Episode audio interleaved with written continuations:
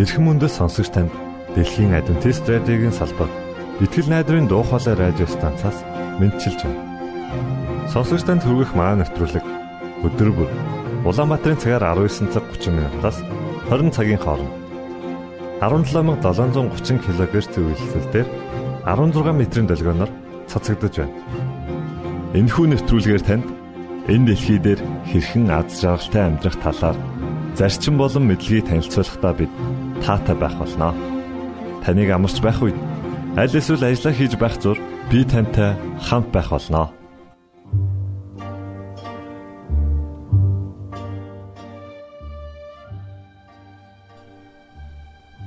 Өнөөдрийн хөтөлбөрөөр магтан дуул хэмэх эртний ариун дуулыг та бүхэнд хүргэж байна. Харин үүний дараа Есүс юу тохиолдсон бэ гэдэг зохиомжийг танд хүргэх болно. За ингээд та өнөөдрийн нэвтрүүлгээ сонсноо.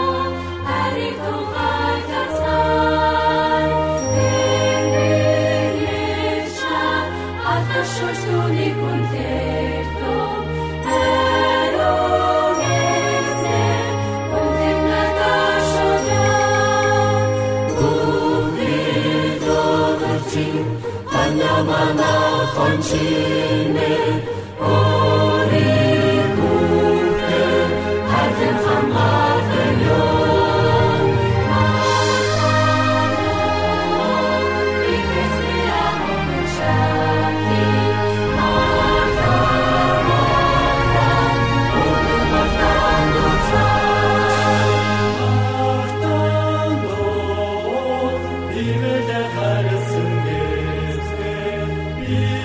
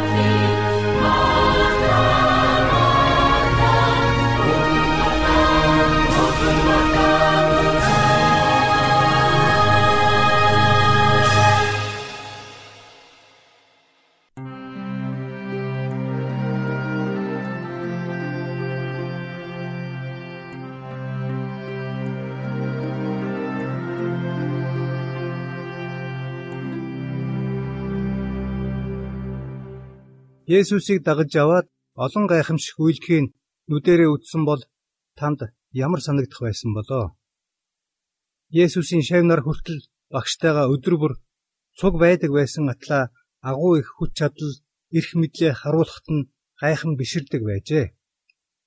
Марк 4:35-аас 41 дүрсэлсэн тийм нэгэн явдлыг ярилцъя. Та тэр үйл явдлыг нүдэрээ үзэж байна гэж төсөөлөөрэй.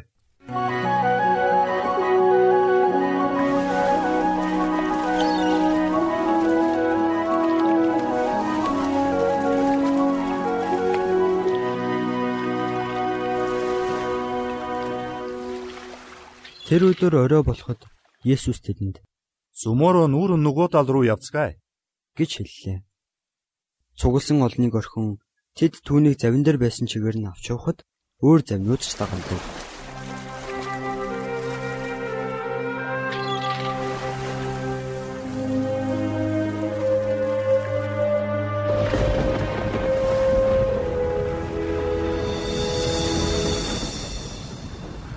Тэнд хүчит салхи үүсэж давлгаа завийг нөмрөн ирж зав хэдийн усан давтжээ.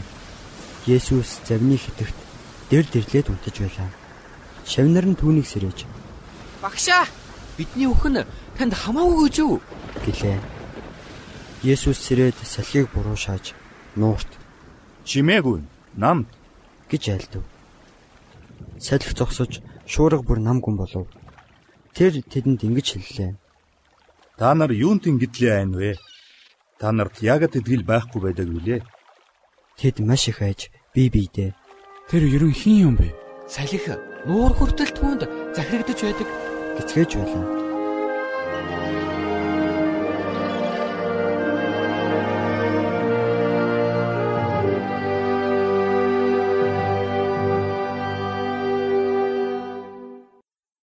Өөрийгөө Есүстэй хамт завинд сууж байна гэж төсөөлж бодсон уу?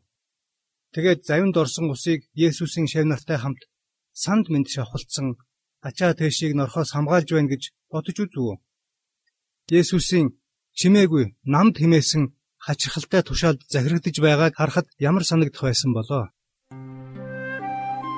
Шавнар нь Есүсийг мэддэг байсан мөртлөө сүрдсэндээ өөрөө ирэхгүй.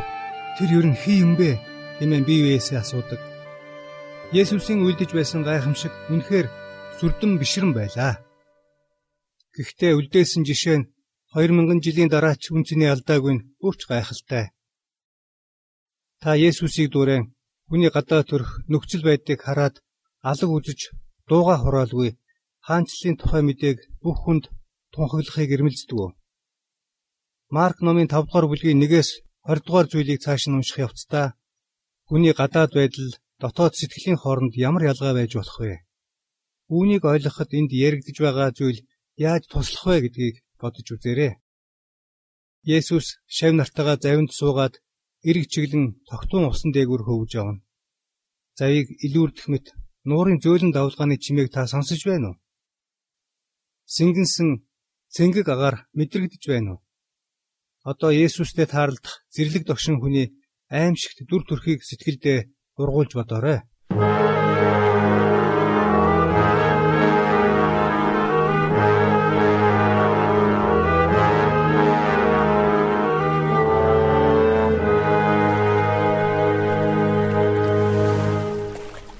Тэд нуурын нөгөө эрэг болох Герас нутагт иржээ. Түүнийг завнаас буухад тэр даруй бузар сүнстэй хүн булснаас гарч Есүстэй уулзрав. Тэр хүний орон байр нь булшнуудын дунд байв. Хинч түүнийг хүлж чаддаггүй байжээ. Бүр гинжээрч хүлж чаддаггүй байлаа. Учир нь тэр олон удаа гавтай, гинжтэй байсан ч гинжээ тастаж гаваа хідэн хэсэг болгон эвдчихдэг байв. Түүнийг номхотгоход хэний ч хүч хүрсэнгүй. Тэрээр булшнуудын дунд ууланд өдөр шөнөгүй орилж чулуугаар өргөөд ийсэн. Есүсийг холоос хараад тэр гүн ирж түүнд мөргөв. Тэгээд чанга дугаар ингэж хашгирлаа. Хамгийн дээд бурхны хөө Есүс танд би ямар хамаатай билээ. Би бурхнаар танаас гоё. Намайг буу заваач. Учир нь Есүс Бузар сүмс энэ хүнээс гар гэж альцсан байлаа. Есүс түүнээс чамайг хэн гэдэг вэ? гэж асуусанд тэр Би долоолаач намайг зэгэн гэдэг гэж хариулав. Тэгээд тэр түүнээс өөрсдөг нь энэ нутгаас бүү зайлуулаач гэж хүсэмжлэн гуйж эхлэв. Тэнд ууланд гахаан их сүрэг бэлчиж байлаа. Чөтгөрүүд Есүсээс бидний гар авъя хулаач. Бид тэдний дотор оръё. гэж гуйхад Есүс тэдэнд зөвшөөрөв.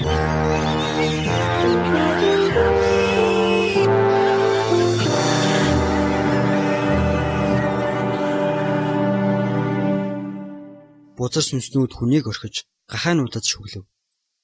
2000 орчим гахаа их зэргээс нуур руу ухсгийж нуурт живцгээлээ. Гахаач зүхтэж үүнийг хот тосгодод мэдэгдэв. Тэгээд хүмүүс юу болсныг үзэхээр иржээ.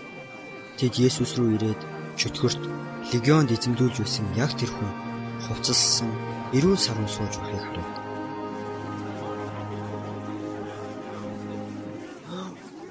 Би зүгээр болчихж. Би үнэхээр зүгээр болчихжээ. Тэд ихэд айв. Үтсэн хүмүүс тэр хүнд юу тохиолдсныг болон гахаануудын тухай ярьж өгчээ. Тэд Есүсийг нутгаасаа явахыг гуйж эхлэв. Бурхны хүн хүн эндээс явж хайрл. Бидэнд зовлон бүү учруулаач.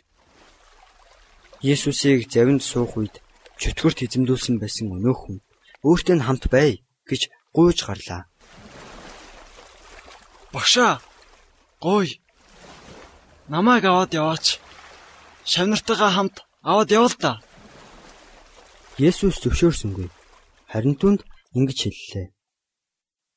Гэртээ өөрийнхөө дээр ууж Иехова чамд ямараагүй зүйлс хийж чамд хэрхэн өршөөл үзүүлснийг тэдэнд мэдэгт. Тэр явж Есүс өөрийнх нь төлөө ямар агуу зүйлс хийж өгснийг Декаполис хэмээх газарт зарлаж эхлэв. Хүн бүр гайхаж байлаа.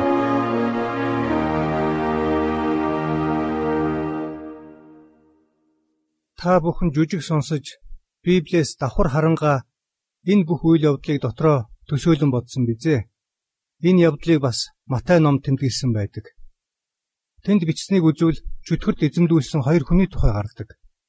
Есүс тэр хоёрын илүү аимшигтай нэгэнтэй ярьсан бололтой. Есүсийн жишээ ямар сургамжтай вэ? Мэдээж бид Есүс шиг чөтгөрүүдийг зайлуулж чадахгүй. Гэхдээ гадаа төрх нөхцөл байдал нь ямар ч вэ хүн бүрд сайн мэдээ дэлгэрүүлэхийг хичээдэг бол Есүсийг дуурайж байна гэсэн үг. Бид дэлгэрүүлж яваад итгээд сонин амьдралтай эсвэл бохир заваан орчинд амьдардаг хүмүүстэй тааралдаж болох юм. Тийм хүмүүст ч гэсэн сайн мэдээ хүргэх боломжоо ашигладаг. Зарим хүн биднийг айлгаж ч мэднэ.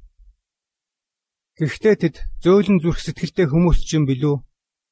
Есүстэй таарлцсан тэр хүн хэлсэн үгийг дорн хүлээж аваад нутаг орон даяараа Есүсийн тухай тунхаглахаар явсан билээ.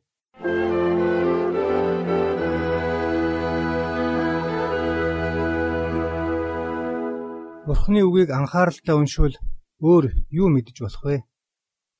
Марк номын 5 дугаар бүлгийг цааш нь уншвал ирээдүйд Есүс нас барагчдыг амьлуулах цагт хүмүүс ямар их баяр хөөр болохыг улам сайн ойлгоно.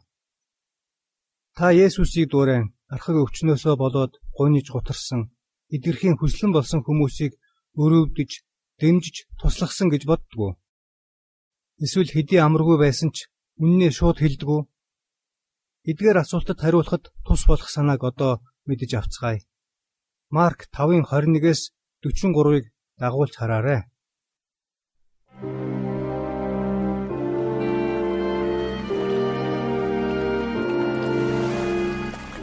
Есүсийг заваар нөгөө эрэг рүү дахин гаталж ирэх үед түн рүү олон хүн хуран цуглжээ. Есүс нуурын иргэдээ байв. Синагогийн ахлагчдын нэгэн болох Яир гэгч хүн ирж Есүсийг хараад хөлдөн унаж Бяцхан охин маань өглөө ирмэгдээр байна. Та очиж мутраа тавиач. Тэгвэл тэр минь идгэж амьдрах байх гэж ихэд хүсэмжлэн гуйв. Есүсийг түүнтэй хамт явхад хурсан олон дагаж хүчин шахалдаж байлаа. 12 жилийн турш цусалддаг өвчтөй байсан нэгэн эмэгтэй байв. Тэр эмэгтэй олон эмчийн гарт шаналж өөртөө байсан бүгдийг зарцуулсан боловч ямар ч тус улсангүй. Харин ч би энэ улам мууджээ. Есүсийн тухай сонссны дараа тэрээр хүмүүсийн дундуур явсаар түүний ард очиж гадуур хувцсанд нь хүрэв. Учир нь тэр Иесусийн л хувцсан төрүүл итгэрн хувцсанд нь л хүрчгээ. Тэгээд идэгч нь гэж амандаа үгэлсээр байлаа. Тэр даруй түүний цус гоочхон татарч өвчнөө сосноо биеэрээ мэдрэв. Би идэгчлээ шүү дээ. Ингээд ирүүл болчихлоо. Есүс тэр даруй өөрөөс нь хүч гарсныг мэдээд олон түмэн рүү иргэн харж "Хин миний хувцсанд хүрв?" гэж асуулаа. Шавнар нь түүнд "Усан улан таныг шахаж байгааг харал та. Тэгтэл та хэн надад хүрв?" гэх юм гэж хэлв. Есүс үүнийг үйлцэн тэр эмэгтэйг харах гэж эргэн тойрны ажиглав. Юу болсныг мэдсэн тэр эмэгтэй айж чичирсээр ирж Есүсийн өмнө өгөв. Тэгээд бүх үннийг хэлжээ. Есүс түнд "Охин минь, эдгийлчин чамайг эдгээлээ. Амар тайван явж, зовлонгоосаа ингэж рахтун" гэж хэллээ. Түүнийгийн айлдаж байтал синагогийн ахлагчийн гэрээс хүмүүс ирж "Таны охин нас барчихлаа. Багшд төг удаад яахав дээ" гэжээ. Гэвч Есүс үүнийг сонсоод синагогийн ахлагчид "Бүү ээ. Зөвхөн идэх" гэж айлдав. Тэгээд тэр Петр, Яаков, Яаковын дүү Йохан нараас өөр хэнийг ч өөртөө хамт явахыг зөвшөөрсөнгүй. Тэд синагогийн ахлагчийн гэрт ирэв. Уймарсан, чангаар үйлч хайсан хүмүүсийг тэр харав. Тэгээд тэдэнд "Юун та нар уймарж уйлалдан вэ? Энэ хүүхэд үхвээгүй. Харин унтаж байна" гэсэнд тэд түүнийг тухурхан инээлдэж эхлэв. Та нар итгэж байна уу? Унтаж байна гин шүү. Би энэ хоёр нүдээр харсан юм чинь охин нас барчихсан байсан уу? Нэр унтаж байгаа ч юм билүү? Охин нас барчихсан штэ. Энэ хүн ёстой солиотой бааха. Хүүхэд унтаж байгаа. За, танин гарцгаан уу? Алив гараарай. За, гараарай. Инхүү Есүс бүх хүнийг гаргаж зөвхөн өнөө хүүхдийн аав ээжийг нөхдийнхөө хамт авч үлдээд хүүхдийг тавьсан өрөөнд оров. Тэгээд хүүхдийн гараас барьж Талита кум гэж айлдав. Орчуулбал энэ үг нь бяцхан охин минь би чамд хэлж байна. Бус гэсэн утгатай ажээ. Тэр дөрөв охин босоод явж эхлэв. Тэр 12 настай байжээ. Тэд бүр гайхаж орхив. Миний охин охин Бурхан минь алдарших болтугай. Амьд өгсөн бүхний эзэн Иесус та бас алдарших болтугай. Миний охин алив аав нь охиноо нэг тэврий. Есүс тэдэнд энэ тухай хинч мэдэх ёсгүй. гэж хатуу сануулад охинд идэх юм уу гэлээ.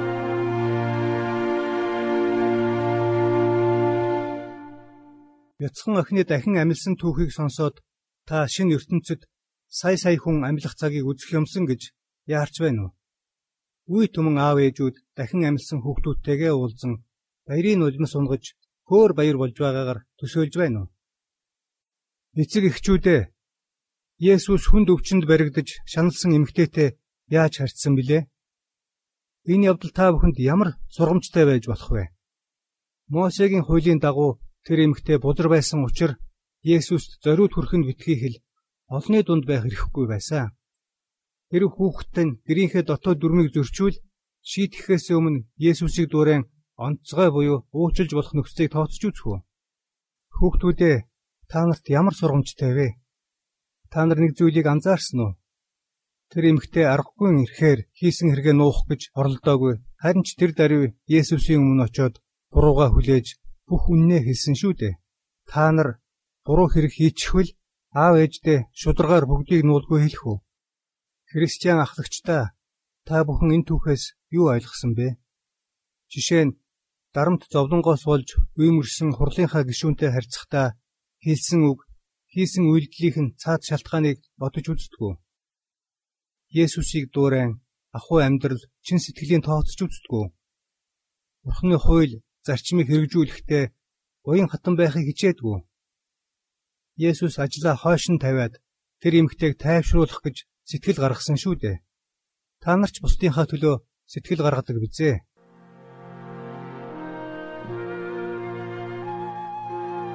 Сая бид Библийн нэг л бүлгийг ярилцлаа. Гэхдээ үнэхээр ач тустай байлаа. Та бүхэн өдөр бүр Библи уншихдаа гарч буй үйл явдлыг санаандаа амьдруулж байгаарэ. Хүмүүсийнхэн зүс царайг харж сэтгэлийнх нь хөдөлгөөнийг мэдрээрэй. Юу бод санаж байгааг нь ойлгохыг хичээгээрэй. Тэдний эргэн тойронд юу байгааг сэтгэлдээ сурч ямар дуу чимээ гарч байгааг ямар үнэр үнэртэж байгааг төсөөлөөрэй. Өөрийгөө тэр үйл явдалд оролцож байна гэж бодоорой. Библиэс уншсныхаа дараа сурч мэдсэний амьдралдаа яаж хэрэгжүүлэхээ бодож байгаарай. Библиэс уншсан энэ зүйл гэрийнхэнтэйгээ итгэл нэгтнүүдтэйгээ эсвэл дэлгэрүүлж явахад таарсан хүмүүстэй харьцахад яаж туслах вэ гэж өөрөөсөө асуугаарай. Ингүүл Бурхны үг таны хувьд жинхэнэ амьд болно. Та эдгээр зөвлөгөөг ажил хэрэг болбол Бурхны үг идэвхтэй буюу нөлөөлөх хүчтэй гэдгийг өөрийн биеэр мэдэрнэ.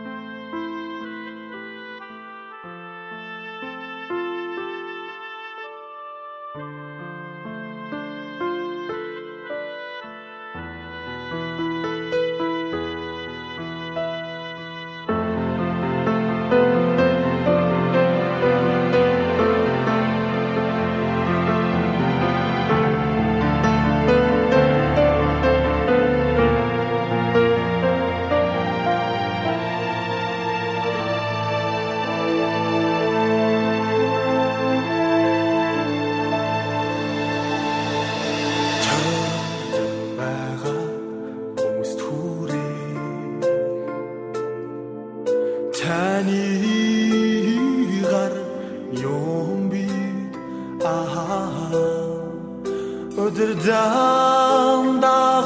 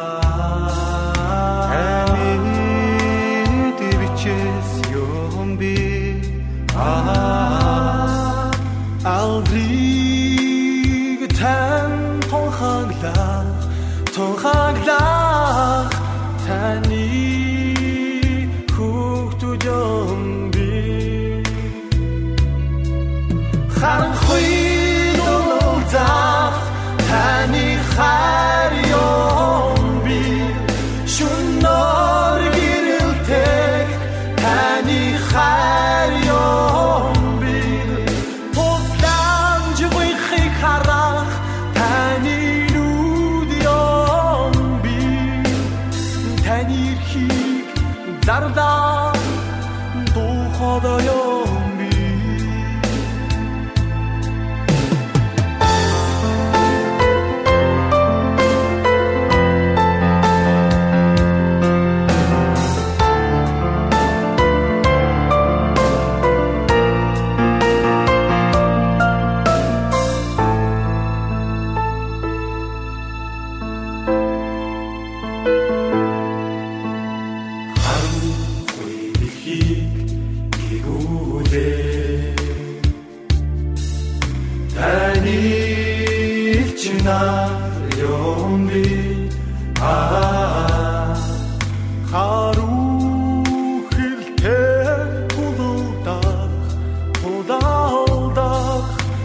beni seri yom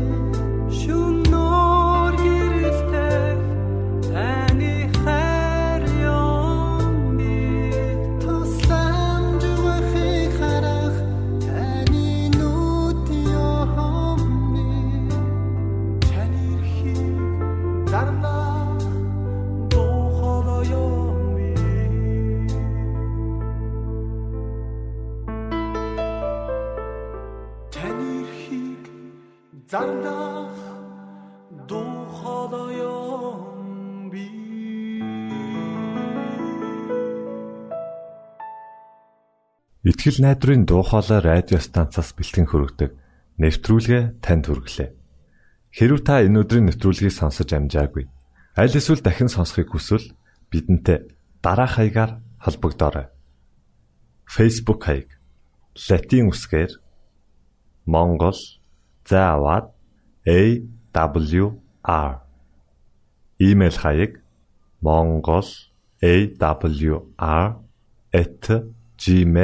mongol@awr@gmail.com Манай утасны дугаар 976 7018 24 9 Шуудангийн хаяг 16 Улаанбаатар 13 Монгол улс Биднийг сонгон цаг зав аваад зориулсан танд баярлалаа. Бурхан таныг бивээх болтугай.